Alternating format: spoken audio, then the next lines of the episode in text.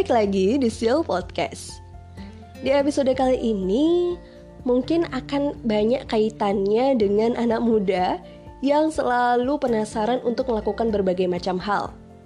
Apalagi di situasi seperti ini ya, yang sebenarnya untuk keluar rumah aja masih harus mikir-mikir kan.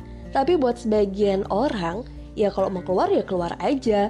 Bahkan udah banyak yang kita lihat itu um, di kafe, jalan-jalan, terus mungkin ada yang pergi ke pantai, ada yang sekedar melihat pemandangan di luaran sana, walaupun memang mereka tetap menggunakan atau tetap menjalankan protokol yang sudah ditetapkan. Apalagi buat kaum mahasiswa ya, yang biasanya selama kuliah itu nggak pernah bisa diem, yang kalau misalnya habis kuliah ada aja yang dilakuin di luar, entah ngerjain tugas di kafe atau sekedar nongki sama teman-teman atau apa pun lah yang dia lakukan supaya tetap aktif dan produktif. Nah, buat sebagian orang nih kalau udah kayak gini, apalagi buat anak-anak mahasiswa dan juga anak-anak muda lainnya yang saat ini mungkin sudah punya pekerjaan sampingan gitu ya. Mengabadikan setiap momen itu adalah suatu hal yang penting. Walaupun memang ada dua versi nih, mengabadikan di kenangan atau mengabadikan di postingan. Makanya di situasi seperti ini nggak mengherankan kalau buat sebagian anak muda yang dia nggak bisa jalan ke mana-mana, akhirnya malah jadi galau Pertama, galau karena gak ada foto yang bisa diposting. Yang kedua, galau karena gak bisa cepat-cepat liburan. Yang akhirnya dia malah posting foto-foto lama. Tapi terlepas dari itu, ya udahlah. Kita sekarang coba bisa sabar menunggu sampai benar-benar situasinya itu menjadi lebih baik. Karena balik lagi, yang harus kamu perhatikan adalah kesehatan dirimu sendiri. Nah, bicara soal postingan, pasti kalian pengen dong punya foto-foto yang hasilnya itu cakep, kece, dan tentu saja bisa diposting di sosial media. Ya, walaupun nggak punya kamera yang bagus, kamera yang bener-bener khusus buat foto gitu ya, tapi setidaknya kalian akan mengupayakan untuk bisa motret melalui HP. Tapi sayangnya nggak semua orang tahu gimana cara motret yang baik. Gak semua orang tahu gimana cara memotret yang hasilnya itu bener-bener bakal bagus lah kalau diposting. Makanya gak mengherankan nih, kadang dalam pertemanan kita itu bisa motoin temen dengan pose yang bagus, dengan hasil yang bagus. Tapi giliran kita minta difotoin, hasilnya ada yang miring kanan, miring kiri, ya nggak sesuai lah dengan harapan kita. Hmm, udah kayak gitu ya, jadinya kita malah bad mood sendiri kan karena nggak ada foto yang akhirnya bagus buat diposting. So di edisi kali ini di episode yang spesial kali ini aku akan mengajak salah seorang yang kira-kira dia tuh bisa lah memberikan tips buat kalian supaya bisa motret dengan maksimal walaupun cuma lewat HP. Selengkapnya seperti apa? Kita bahas di segmen kedua.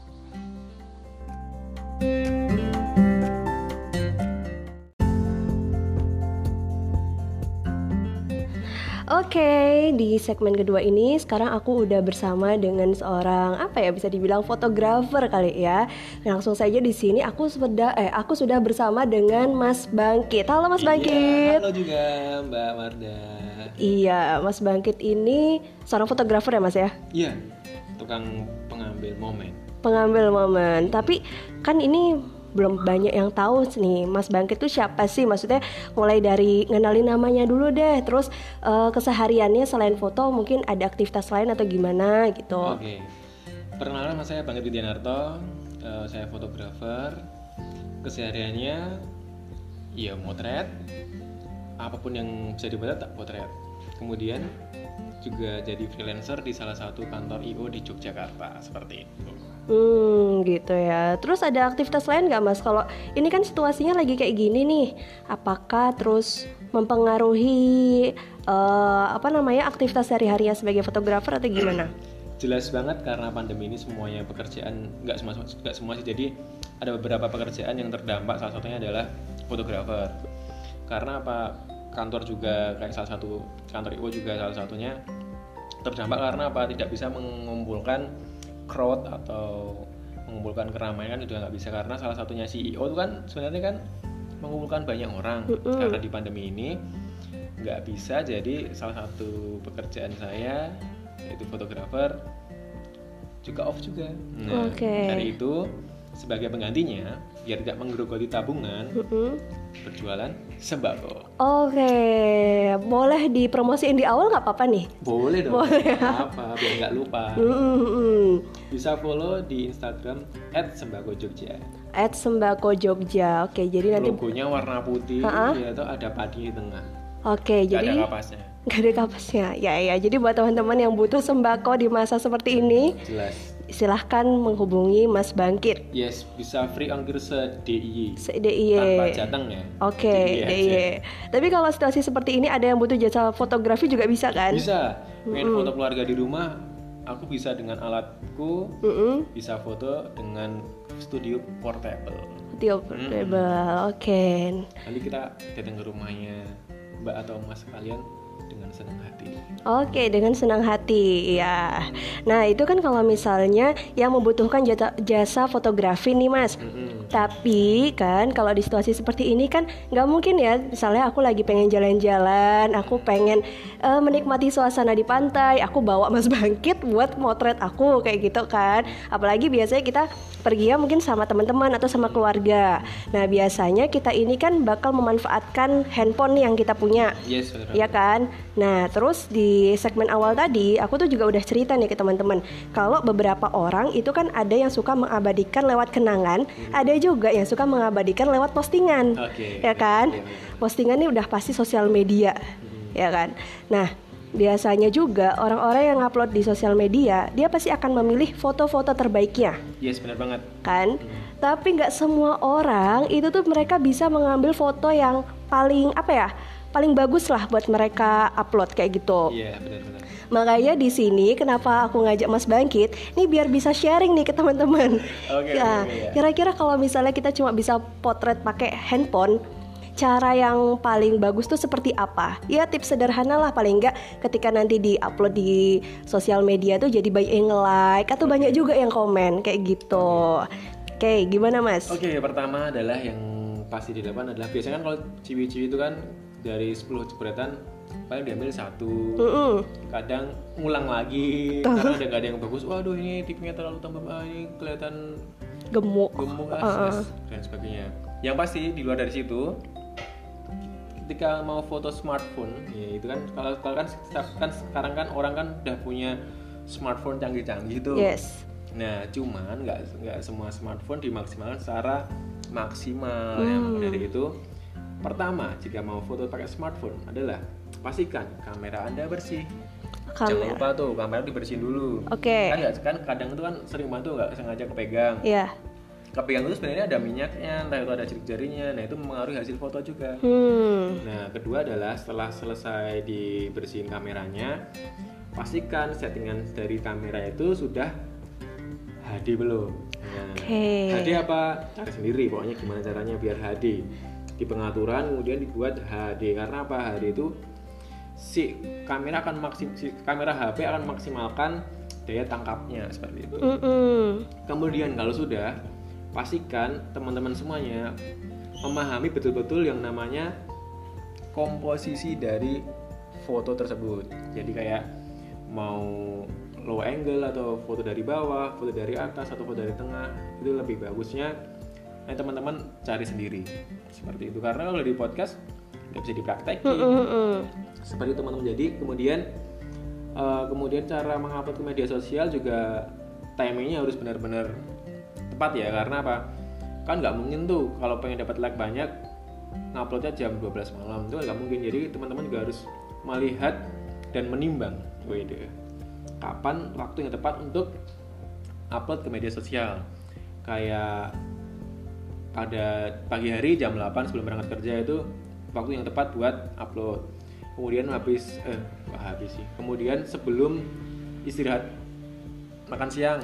Dan jam 7 habis sholat isya itu waktu yang tepat buat eh, upload sosial media. Itu dari pengalamanku seperti itu. Nah kembali lagi ke teknik foto. Mm-mm. tadi udah dari angle atas bawah Enggak, tengah. Nah kemudian jangan lupa pastikan apakah itu pagi hari atau menjelang gelap. Karena apa?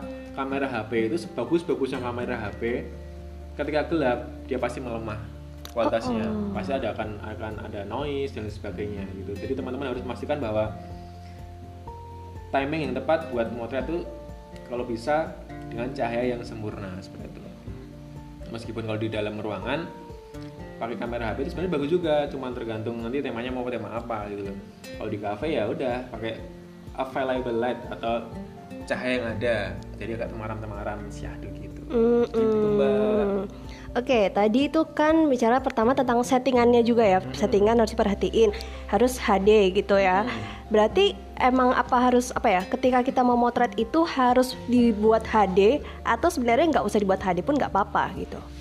Sebenarnya tergantung si pemakai juga sih mbak sebenarnya. Jadi gini kalau nggak HD itu pun juga bisa. Cuman nanti kalau diupload di media sosial akan ke resize ukurannya.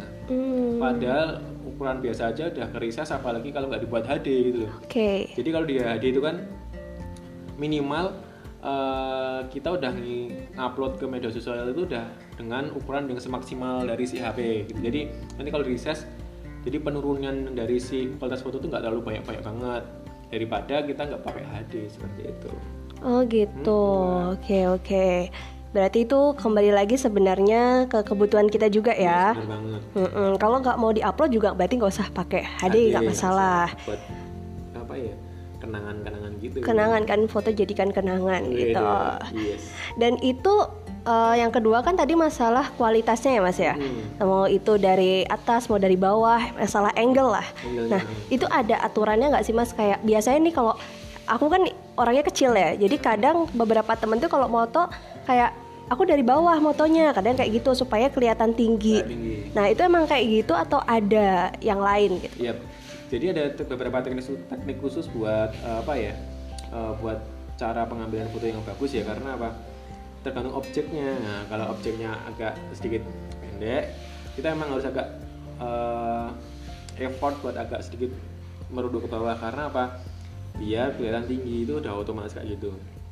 Kemudian kalau agak sedikit mengembang atau agak gemuk gitu, si objek otomatis paling nggak harus eh, sedikit memiringkan badannya dan memajukan kakinya ke, kaki kanannya ke depan atau kaki kiri terserah eh, dia nyamannya gimana seperti itu. Gitu dan kemudian jangan lupa ketika mau foto itu sebenarnya teman kamera teman-teman itu kan udah smartphone tuh. Bisa dipilih di optionnya kemudian dipilih framing lines atau garis-garis gitu. Jadi nanti garis-garis itu membantu teman-teman buat ngatur komposisi. Nah nanti komposisi itu ada namanya kalau di fotografi itu ada namanya POI point of interest. Jadi nanti mau di di interestnya tuh atau titik fokusnya tuh mau dibuat di mana gitu. Jadi kalau kan ada 9 kotak tuh. Mm-mm. mau di titik yang mana seperti itu. Jadi nanti si komposisi foto akan jauh lebih bagus daripada asal motret. Seperti itu. Oke, jadi kita tinggal ngeklik di salah satu kotak atau gimana? nggak harus ngeklik sebenarnya kakak. Eh, kakak.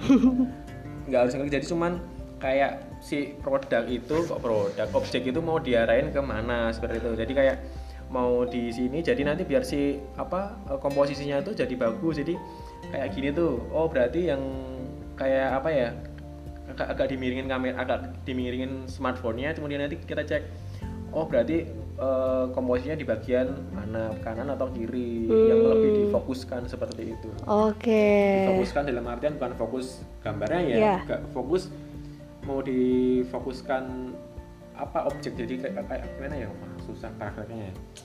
pokoknya adalah mau dibuat fokus fotonya tuh mau dibuat fokus pada sisi mana pada si objek gitu loh jadi kayak oh di pantai di pantai ada kuda sama ada orang mau difokusin gimana sih framingnya tadi oh di, kita di bagian kudanya aja Mm-mm. seperti itu. jadi nanti kayak kita main di komposisi sebenarnya tadi Mm. dan sekarang kan kalau HP kan uh, lebih cenderung uh, profesional Mm-mm. bisa dibuat bokeh atau blur di belakangnya Yeah. itu kan ada juga itu juga harus membantu ja- dari komposisinya seperti itu kakak Hmm, gitu ya. Hmm. Oke, terus kalau soal pencahayaan tadi Iya, mas. banget. Pencahayaan itu eh, antara indoor sama outdoor itu kan pasti berbeda. Beda banget mbak. ya kan? Nah itu gimana mas kalau mensiasatinya? Misal kalau yang cewek-cewek pasti ke cafe ya yang tempatnya Iya. instagramable. Nah itu biasanya ada kan yang ya udah cahayanya tuh udah bagus banget, Mm-mm. jadi udah tinggal motret aja.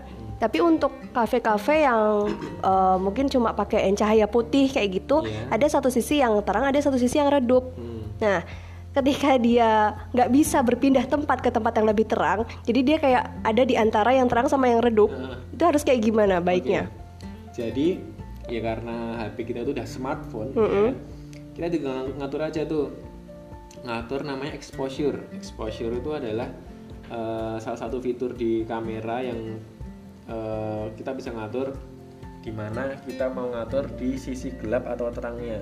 Nah, exposure-nya mau dinaikin apa di- diturunin? Kalau dinaikin dia tambah terang, diturunin tambah gelap. Tapi sebenarnya itu juga tergantung suasana juga sih.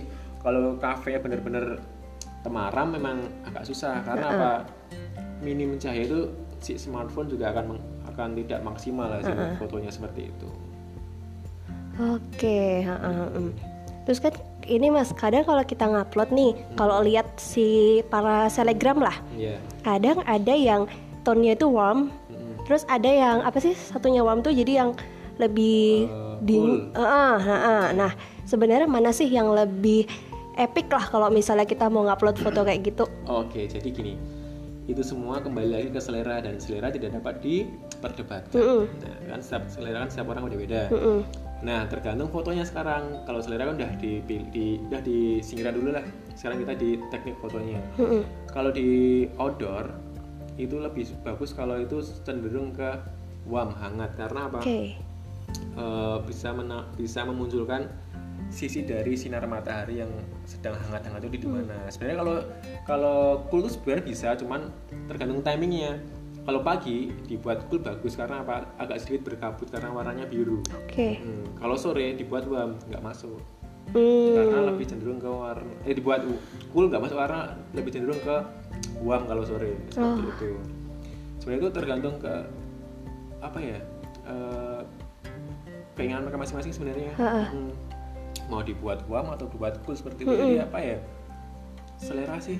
Salah selera juga Apa ya. Selera juga nggak bisa diper- diperdebatkan. Mm-mm. Oh iya, tadi kan eh, Mas Bangkit juga sempat bilang kalau misalnya kita mau take foto itu bagusnya jangan yang pas sore gitu ya karena cahayanya udah Mulai meredup. mulai meredup. Itu kalau foto apa nih? Outdoor atau indoor maksudnya? Nah, jadi gini, kalau foto indoor itu kan meskipun mau pagi, siang, sore, malam tetap nggak akan efek karena ada di situ ada cahaya dari lampu. gitu. Oke. Cuma nanti kalau agak agak pagi kan terbantu dari ventilasi-ventilasi cahaya. Gitu, Mm-mm. gitu. Cuman kalau untuk foto outdoor kita si smartphone itu juga akan melihat bahwa oh itu masih bisa tertolong untuk cahayanya gitu karena apa masih terbantu cahaya matahari kalau agak malam kan eh, agak sore itu kan matahari mulai meredup dan si smartphone akan eh, otomatis kalau smartphone yang otomatis dia akan meninggikan exposure-nya Mm-mm. jadi otomatis si foto akan menjadi noise kalau agak malam seperti itu Oh, kayak ini ya agak-agak Bintik-bintik. Oh, bener Oke. seperti itu Mm-mm-mm-mm. Kecuali ya memang sengaja mau ambil ada bintik-bintiknya. Bintik-bintik. Nah, tapi kan sekarang kan kembali lagi ke Selera. selera jadi Mm-mm. ada yang sengaja dibuat bintik-bintik ada yang sengaja dibuat blur dengan gambar-gambar yang mm-mm. Kayak nggak jelas gitu tapi memang itu selera ya udah kita nggak bisa di apa ya perdebatkan. Yang penting di sini intinya kita memaksimalkan gitu ya penggunaan handphone untuk motret gitu. Yang pertama tadi masalah settingan. Kalau memang mau dibuat HD itu akan lebih baik, apalagi kalau mau diposting. Yang kedua masalah tadi komposisinya gitu ya. Komposisi tadi kaitannya sama pen- apa peletakan angle fotonya. Mm-mm, mau dari atas, bawah, samping kanan, samping kiri itu disesuaikan juga sama objeknya. Ya kan? Terus yang ketiga tentang pencahayaannya. Ya kan? Pencahayaan juga harus perhatikan nih teman-teman. Jadi mau pagi siang sore malam itu penempatannya juga lah ya gitu. Kalau misalnya kita lagi di indoor ya cahaya lampu tuh yang udah sangat membantu Membantu gitu banget. Tapi kalau misalnya lagi di outdoor itu yang juga harus diperhatikan gitu. Iya. Kalau bisa satu, satu satu lagi, kalau bisa jangan di bawah terik matahari langsung. Oke. Karena otomatis ya kalau si kamera HP itu tadi tidak bisa men mengcover akan ngeflare. Ngeflare tuh apa mas? Tuh kayak uh, over exposure. Oh. Jadi kayak warnanya di wajah jadi putih banget Ah, ah. dan itu nanti merusak foto sebenarnya. Oke. Merusak, merusak hasil foto. Hasil fotonya gitu. Hmm, apalagi ya? Oh, aku ingat satu lagi mas. Kadang nih ya, kalau misalnya kita mau foto, yang paling dihebohin itu kalau backlight. Yap. Nah, biasanya backlight itu kan siang ya kadang tuh ya. Hmm. Nah, itu tuh gimana? Kadang kita tuh kalau udah backlight kayak gitu, yang diributin adalah penempatannya. Jadi kayak aku nih sama teman-teman ada di misalnya di depan eh, jendela gitu ya. Terus nanti sama teman-teman dipindah, udah pindah yang ke sebelah sini aja yang eh, membelakangi atau apa kayak gitu. Nah, perkara backlight itu sebenarnya memang kitanya yang harus pindah posisi atau bisa disiasati dengan cara lain. Yang pasti adalah keselera lagi. gitu. Hmm. Jadi memang ada beberapa si pemilik smartphone itu memang dia sengaja foto backlight. Oke. Karena tergantung itu tadi dia mau buat foto kayak gimana. Mm-mm. Itu juga jadi kayak apa ya? Eh, selera selera benar. Jadi kayak gimana ya? Dibuat backlight biar sedikit agak eh, terlalu banyak cahaya gitu. Oke. sebenarnya kalau nggak sebenarnya backlight itu bisa disiasa- disiasati dengan cara kita balik arah sebenarnya Hmm, kita yang pindah posisi Kita gitu. otomatis kita pindah posisi kalau nggak pengen backlight ya Mm-mm. kalau backlight bisa disiasati dengan pindah posisi kalau nggak ya kembali lagi ke selera Mm-mm. backlight sekalian malah jadi bagus Hmm. gitu teman-teman Kayaknya yang jiwa-jiwa seni-seninya ini ya, yang kelihatan kayak gitu-gitu tuh yang unik-unik kayak Jelas, gitu ya kan. Mm.